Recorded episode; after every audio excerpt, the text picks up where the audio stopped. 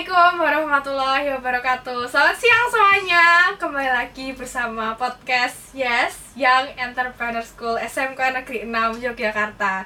Jangan bosan-bosan kembali lagi sama saya Nagia Prialaran yang Putri Sampurna. Kemarin kita sudah bahas-bahas nih tentang SMKPK Sebelumnya aku mau sapa dulu nih Sahabat asik apa kabar?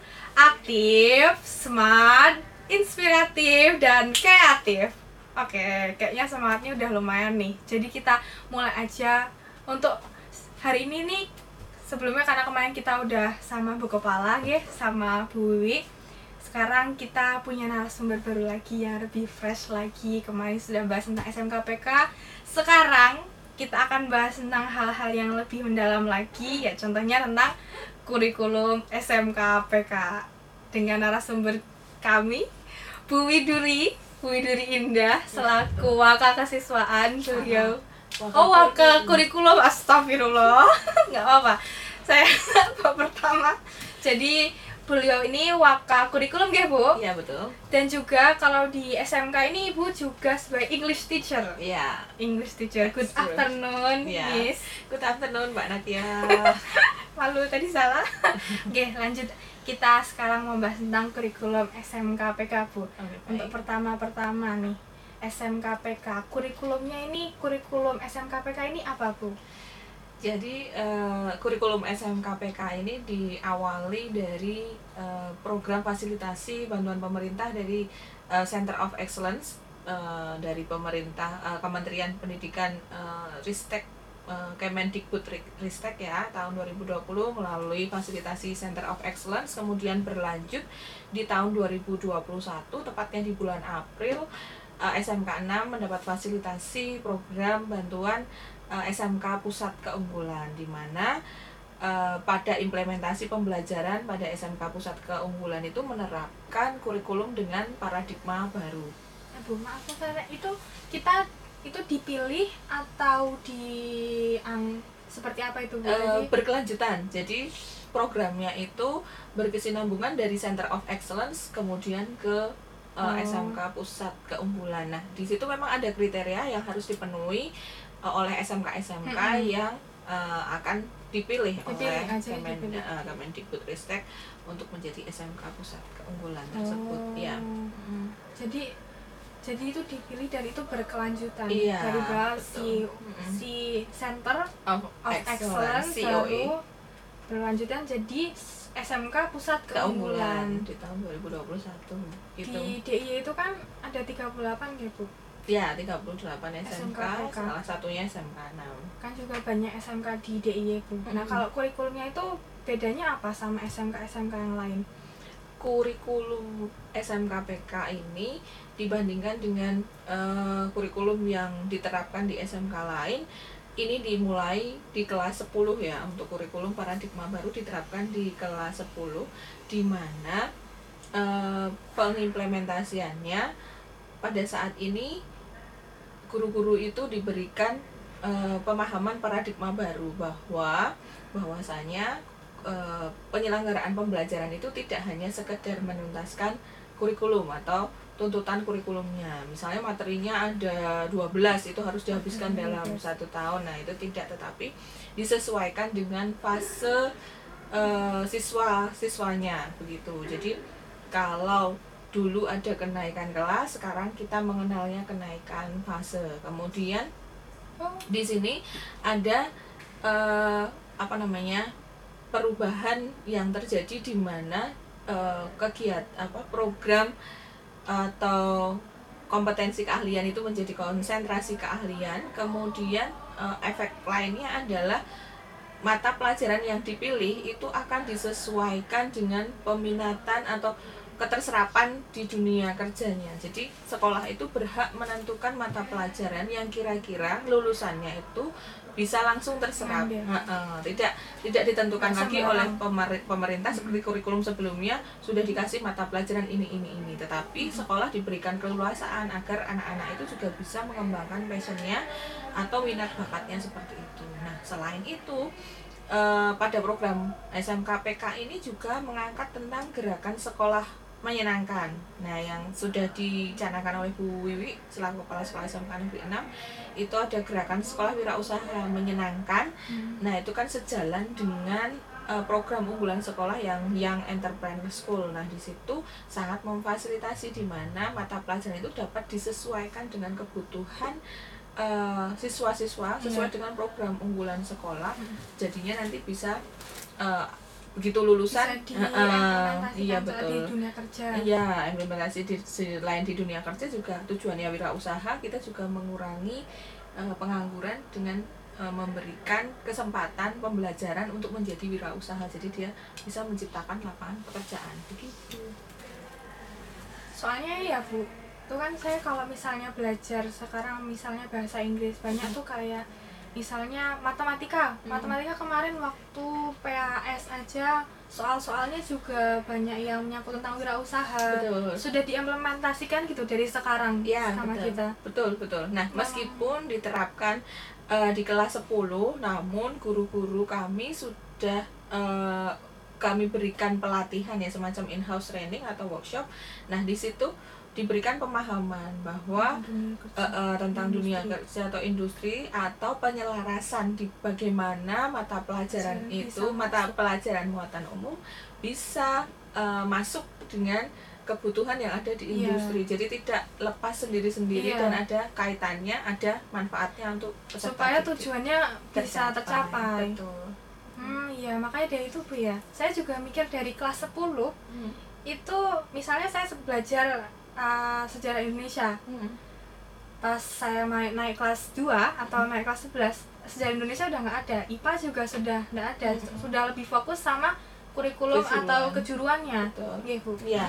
Hmm, jadi jadi bisa lebih fokus gitu nggih Ya memang kalau di kurikulum SMK itu eh, mata pelajaran yang mendasari itu nanti di kelas 10 kemudian eh, untuk mata pelajaran yang eh, kompetensi keahlian ya kalau yang kelas 11 atau konsentrasi keahlian Hmm. di eh, mapel kejuruannya atau produktifnya itu nanti beban belajarnya akan lebih banyak di tingkat 11 dan 12 dan rata-rata di fase itu kalau kami di kurikulum eh, PK ini di fase fase F itu kelas 11 dan kelas 12 itu mata pelajaran di kelas 11 dan 12 itu akan sama mata pela, eh, nama mata pelajarannya udah sama le- berbobot lebih banyak bobotnya daripada di kelas 10 karena oh. difokuskan untuk eh, apa skillsnya apa yang akan digali di jurusan tersebut. Begitu. Oh jadi ini kan saya kelas 11 Bu. Mm-mm. kemungkinan nanti kelas 12 mata pelajarannya akan sama, sama sama. Kejuruannya Dan- juga? eh, bisa jadi bobot bobot mapelnya itu akan lebih besar karena akan lebih difokuskan lagi. Apa yang akan diinikan? Misalnya eh, mata pelajaran di tata busana itu produktifnya apa yang sekarang dipelajari? Pembuatan Eh, busana eh, custom industri, made, custom industri, ya betul. Nah itu nanti eh, PKK-nya sama produk kreatif kewirausahaannya akan tetap ada, Hmm. tetapi bobot untuk misalnya eh, pola masih ada nggak? Pola karena dia mendasari, sudah- sudah ya dia harus mendasari. Jadi di awal dikasih dasar dulu, nanti kelas 11 dan 12 tinggal langsung main skillnya. Sudah harus sudah terasah dan bisa membuat busana custom made. Beban custom made-nya lebih besar karena yang polanya sudah hilang. Meskipun di dalam custom made tetap belajar tentang pola. pola. Karena sudah didasari dulu. Iya, karena betul. harus ada dasarnya bu Mm-mm. sebelum kita belajar yang untuk dimodif modif iya. Betul, betul. baik baik. Itu bu. Terus apa lagi nih? Soalnya ini kan uh, kemarin habis melalui masa pandemi. Iya, sekarang juga masih. Masih pandemi. Masih pandemi ya tapi seenggaknya sekarang sudah lebih baik Eh, sudah bisa agak ya. bertatap muka. Oke. Kesulitan-kesulitan apa saja bu yang kemarin dihadapi dalam ya melaksanakan kurikulum seperti itu kalau pas di pandemi kesulitan apa saja? Banyak. sebenarnya Banyak kurikulum sekali. dari pemerintah itu kan eh, kalau dulu ketika pergantian kurikulum kan semua eh, sekolah wajib menerapkan. Tetapi pemerintah yang sekarang ini memberikan kelonggaran kepada sekolah untuk bisa memilih memilih kurikulum yang akan diterapkan di sekolah. ya apa yang akan diterapkan? Kemudian disesuaikan dengan kebutuhan peserta didiknya. Karena kita pandang ketika pandemi tidak mungkin dong misalnya ada materi eh, 12 materi harus dihabiskan. Padahal anaknya di sekolah dengan keterbatasan sarana yang dimiliki di, di Hmm, rumah di rumah. Heeh, tidak mungkin akan eh, diberikan materi yang sama persis yang diajarkan di sekolah. Maka itu disesuaikan. Begitu. Nah eh, adanya juga di bisanya kami dari segi kurikulum dimodifikasi disesuaikan dengan kebutuhan peserta didik kemudian kondisi pandemi keterbatasan mengajar misalnya ketika praktek busana di sekolah mungkin bisa dela- 8 jam.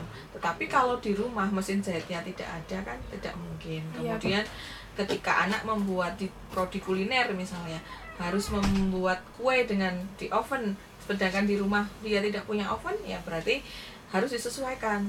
Nah, kira-kira eh, materi apa yang bisa dikerjakan anak di rumah. Nah itu mungkin salah satu kesulitan atau penyesuaian yang harus disesuaikan baik oleh guru maupun siswa. Nah dengan adanya kebijakan pembelajaran tatap muka terbatas ini memberikan akses baik bagi guru maupun siswa Heeh, untuk bisa eh, praktik di sekolah yang sarananya di rumah tidak ada meskipun waktunya terbatas. Namun siswa bisa mencoba daripada yang kemarin eh, sama sekali nggak pernah mencoba itu kan kita khawatirnya learning loss ya. Jadi eh, pembelajaran langsung udah hilang ya. Pokoknya cuman belajar semacam apa ya halusinasi atau simulasi iya, hanya membayangkan. Nah sekarang kita fasilitasi dengan pembelajaran tatap muka terbatas. Meskipun karena kebijakan dari pemerintah daerah belum bisa maksimal sampai 8 jam tapi paling tidak kita berikan pemahaman ke Bapak Ibu guru dan siswa bahwa dengan 6 jam itu bagaimana bisa maksimal untuk praktik di sekolah Mm-mm. supaya tidak terjadi learning loss itu. Learning loss. Mm-mm, betul. Terus benar bu itu yang dari kemarin juga selama kelas 10 saya pikir-pikir kesannya kayak kelas 10 habis aja gitu bu Mm-mm. tanpa belajar pas masuk kelas 11 tuh kesannya anak-anak kayak kaget Mm-mm. Ya, sa- sama seperti ketika kalian masuk di kelas 10 meskipun eh, sekarang di kelas 11 itu posisi kalian karena belum pernah megang alat sama sekali di Mm-mm. semester Iya, kemarin jadi harusnya yang dasar-dasar itu diperkenalkan di kelas 10 otomatis Bapak Ibu guru memberikan treatment sama seperti kalian itu kelas 10 karena sama sekali belum pernah pegang alat. Hanya Iya. tahu gambarnya mungkin atau belajar dari YouTube cara penggunaannya tetapi ketika praktek sendiri oh rasanya ternyata seperti ini. Iya beda. Ya banyak ya bu kesulitannya berarti? Kalau kesulitan sih eh, apa ya Ya, bukan hambatan. kesulitan hambatan ya. Kalau kesulitan tuh kayak ya. harus harus dianggap mudah semuanya. Ya betul. Harus optimis. Ya betul betul. Karena saya soalnya juga sudah apa ya bu bahagia dengan sekarang udah ada perkembangan lagi Heeh. untuk ke depannya ini. Udah lumayan yang masuk 50% Ya. semoga besok-besok. Ini bu ada pertanyaan dari anak-anak. Oke baik. Bu ini ada kan kita jadwalnya sekarang itu selang-seling Mm-mm, bahasanya betul. selang-seling Mm-mm. minggu ganjil minggu genap Mm-mm. nah itu bu kapan sih bu kira-kira bisa bisa kita benar-benar 100% gitu Oke. nggak usah diselang-seling lagi teman-teman udah pada kangen ya oke baik jadi sebenarnya kebijakan 100% memang sudah ada kalau dibilang SMK 6 sudah 100% belum? Sebenarnya sudah 100% karena kami memasukkan siswa itu dari kelas 10, 11 dan 12 Iya. hanya sistem pembelajarannya yang kita buat 50% kenapa 50% bisa dibayangkan dalam satu ruangan lab yang mungkin eh, kapasitasnya itu memang idealnya eh, hanya untuk setengahnya sebenarnya. Karena kalau dipaksakan 36 peserta didik masuk di ruang kelas atau di lab tersebut itu sebenarnya tidak bisa jaga jarak karena di situ ada ketentuan boleh masuk 100% tetapi menerapkan jaga jarak Hmm. Nah, bisa dibayangkan jika anak-anak yang SMK ini untuk kontrol prokesnya ini kan masih masih eh, masih minim. Jadi kami eh, terapkan dulu dengan 50% sistem pembelajaran berbasis blok tersebut. Nah, kemudian kenapa ada harus ada minggu ganjil dan minggu genap? Dikarenakan pada saat eh, pembelajaran 50% itu ada siswa yang berangkatnya pada minggu ganjil dan rombongan berikutnya akan belajar di minggu genap. Genap. Gantian mereka akan belajar daring untuk mapel yang normada begitu. Kenapa tidak bisa 100%? Karena kebutuhan ruang di SMK itu kalau misalnya di SMA itu kan setiap kelas punya ruang kelas ya Iya. ini kelasnya IPA 1 misalnya Satu. cuman kalau di SMK itu kan kita Rolling. moving ya habis dari ruang kelas pindah ke sana pindah ke mana lagi gitu kan Iya. nah bisa dibayangkan jika mobilisasi ini 36 dikali Nah. 40 rombel yang ada di tahu saya begitu. Nah, eh, kalau eh, luas dengan luas SMK 6 itu di bawah satu hektar, kemudian populasi yang ada 1.381 siswa plus 80 guru. Nah, Iya. bisa dibayangkan sekitar 1.400-an lah yang ada di SMK 6 ini. Nah, kita masih pertimbangkan itu, maka kita ambil jalan tengah dulu minggu ganjil dan genap. Eh, yang kita utamakan mapel yang produktif juga. Hmm. Kenapa ma- mapel produktif? Kenapa ada minggu ganjil dan minggu genap? Karena pada saat misalnya Mbak Nakia masuk e, minggu ganjil, produksi e, rock gitu ya. Minggu depan itu ada rombel berikutnya yang produksi rock juga. Jadi produksi tersebut akan continue. Nah, tidak ada ceritanya kalau di SMK 6 itu kami tidak menerapkan yang minggu sekarang produksi, Mhm. minggu besok belajar normada, Oh, iya. minggu besok produksi lagi nggak ada karena eh, kita menerapkan pembelajaran teaching factory di mana kalau kita itu ke industri dia produksi kemeja misalnya. Kan setiap hari akan produksi kemeja Kemeja. terus. Mau minggu satu ganjil genap tetap produksi kemeja. Hanya yang mengerjakan misalnya kelas TB 1 minggu ini minggu depannya lagi eh, sorry misalnya TB itu ada beberapa kan TB 1 minggu depannya TB 2 minggu depannya TB 3 nah itu makanya bergantian. Hanya tempatnya dia lokasinya berpindah. Misalnya kemarin di lab busana satu pindah besok ngerjain apa di lab busana dua tetapi produksi itu terus continue. Begitu juga dengan yang jurusan dari kuliner. kuliner. Misalnya eh, kita produksi lemper. Nah padahal snack box itu harus ada lemper. Nah kalau lemper tidak diproduksi berarti kan nggak jadi nih snack box ya. Karena misalnya eh, saya jadwalkan minggu ini anak untuk produksi saja berarti Hmm. minggu depan kalau pelajaran muatan umum semacam bahasa Inggris bahasa Indonesia agama ada di minggu kedua otomatis lempernya nggak jadi produksi dong wong anak-anak di kelas Mhm.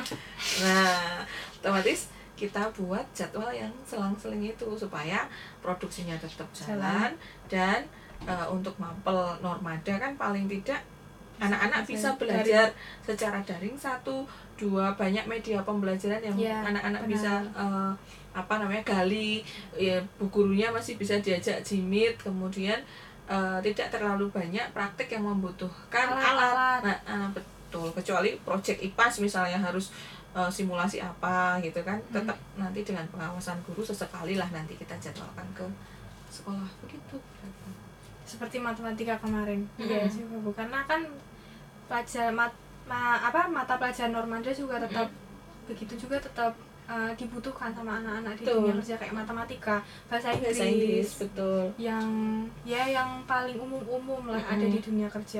Betul.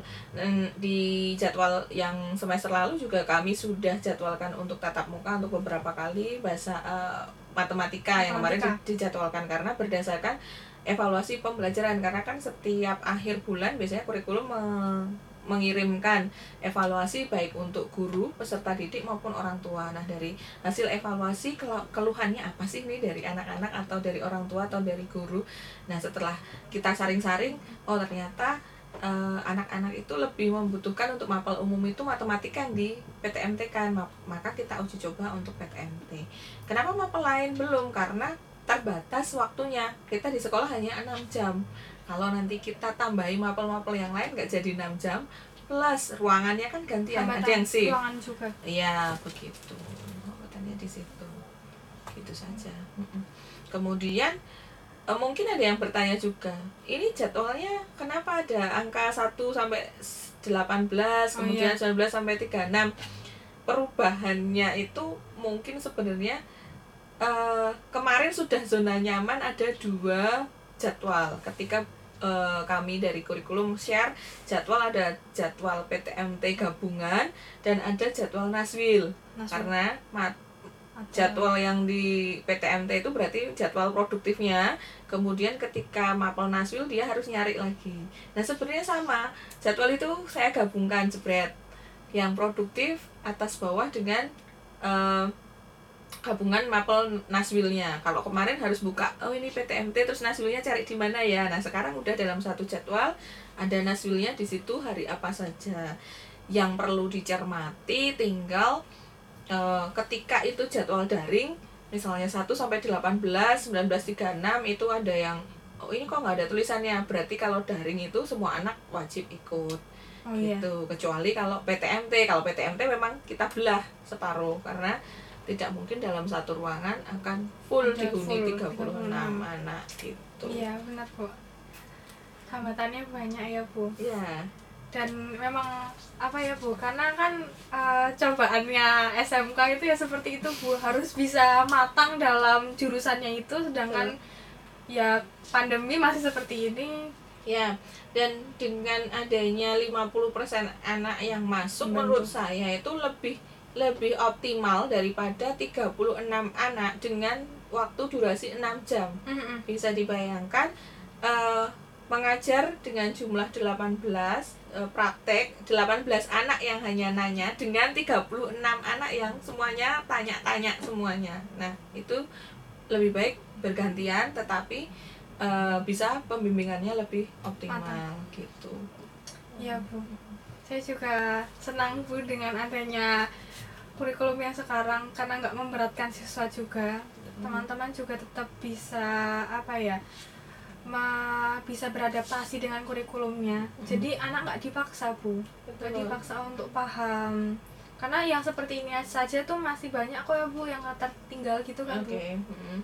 dan dan ya saya berharap semoga untuk ke depannya ini bisa segera baik lagi supaya ya, bisa betul. kembali normal gitu ya. Ya ya insya Allah nanti uh, kita akan uh, formulasikan jadwal yang kira-kira nanti ketika kondisi memang sudah safe aman semua vaksin semua semua bisa taat prokes gitu kan. 100% ya 100% amin. bisa terjadwal semoga dan, tahun ini ya bu. Ya amin. Amin. Amin, amin.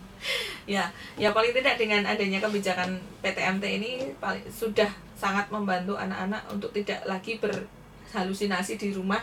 Bagaimana sih pegang mesin jahit? Bagaimana sih pegang uh, oven?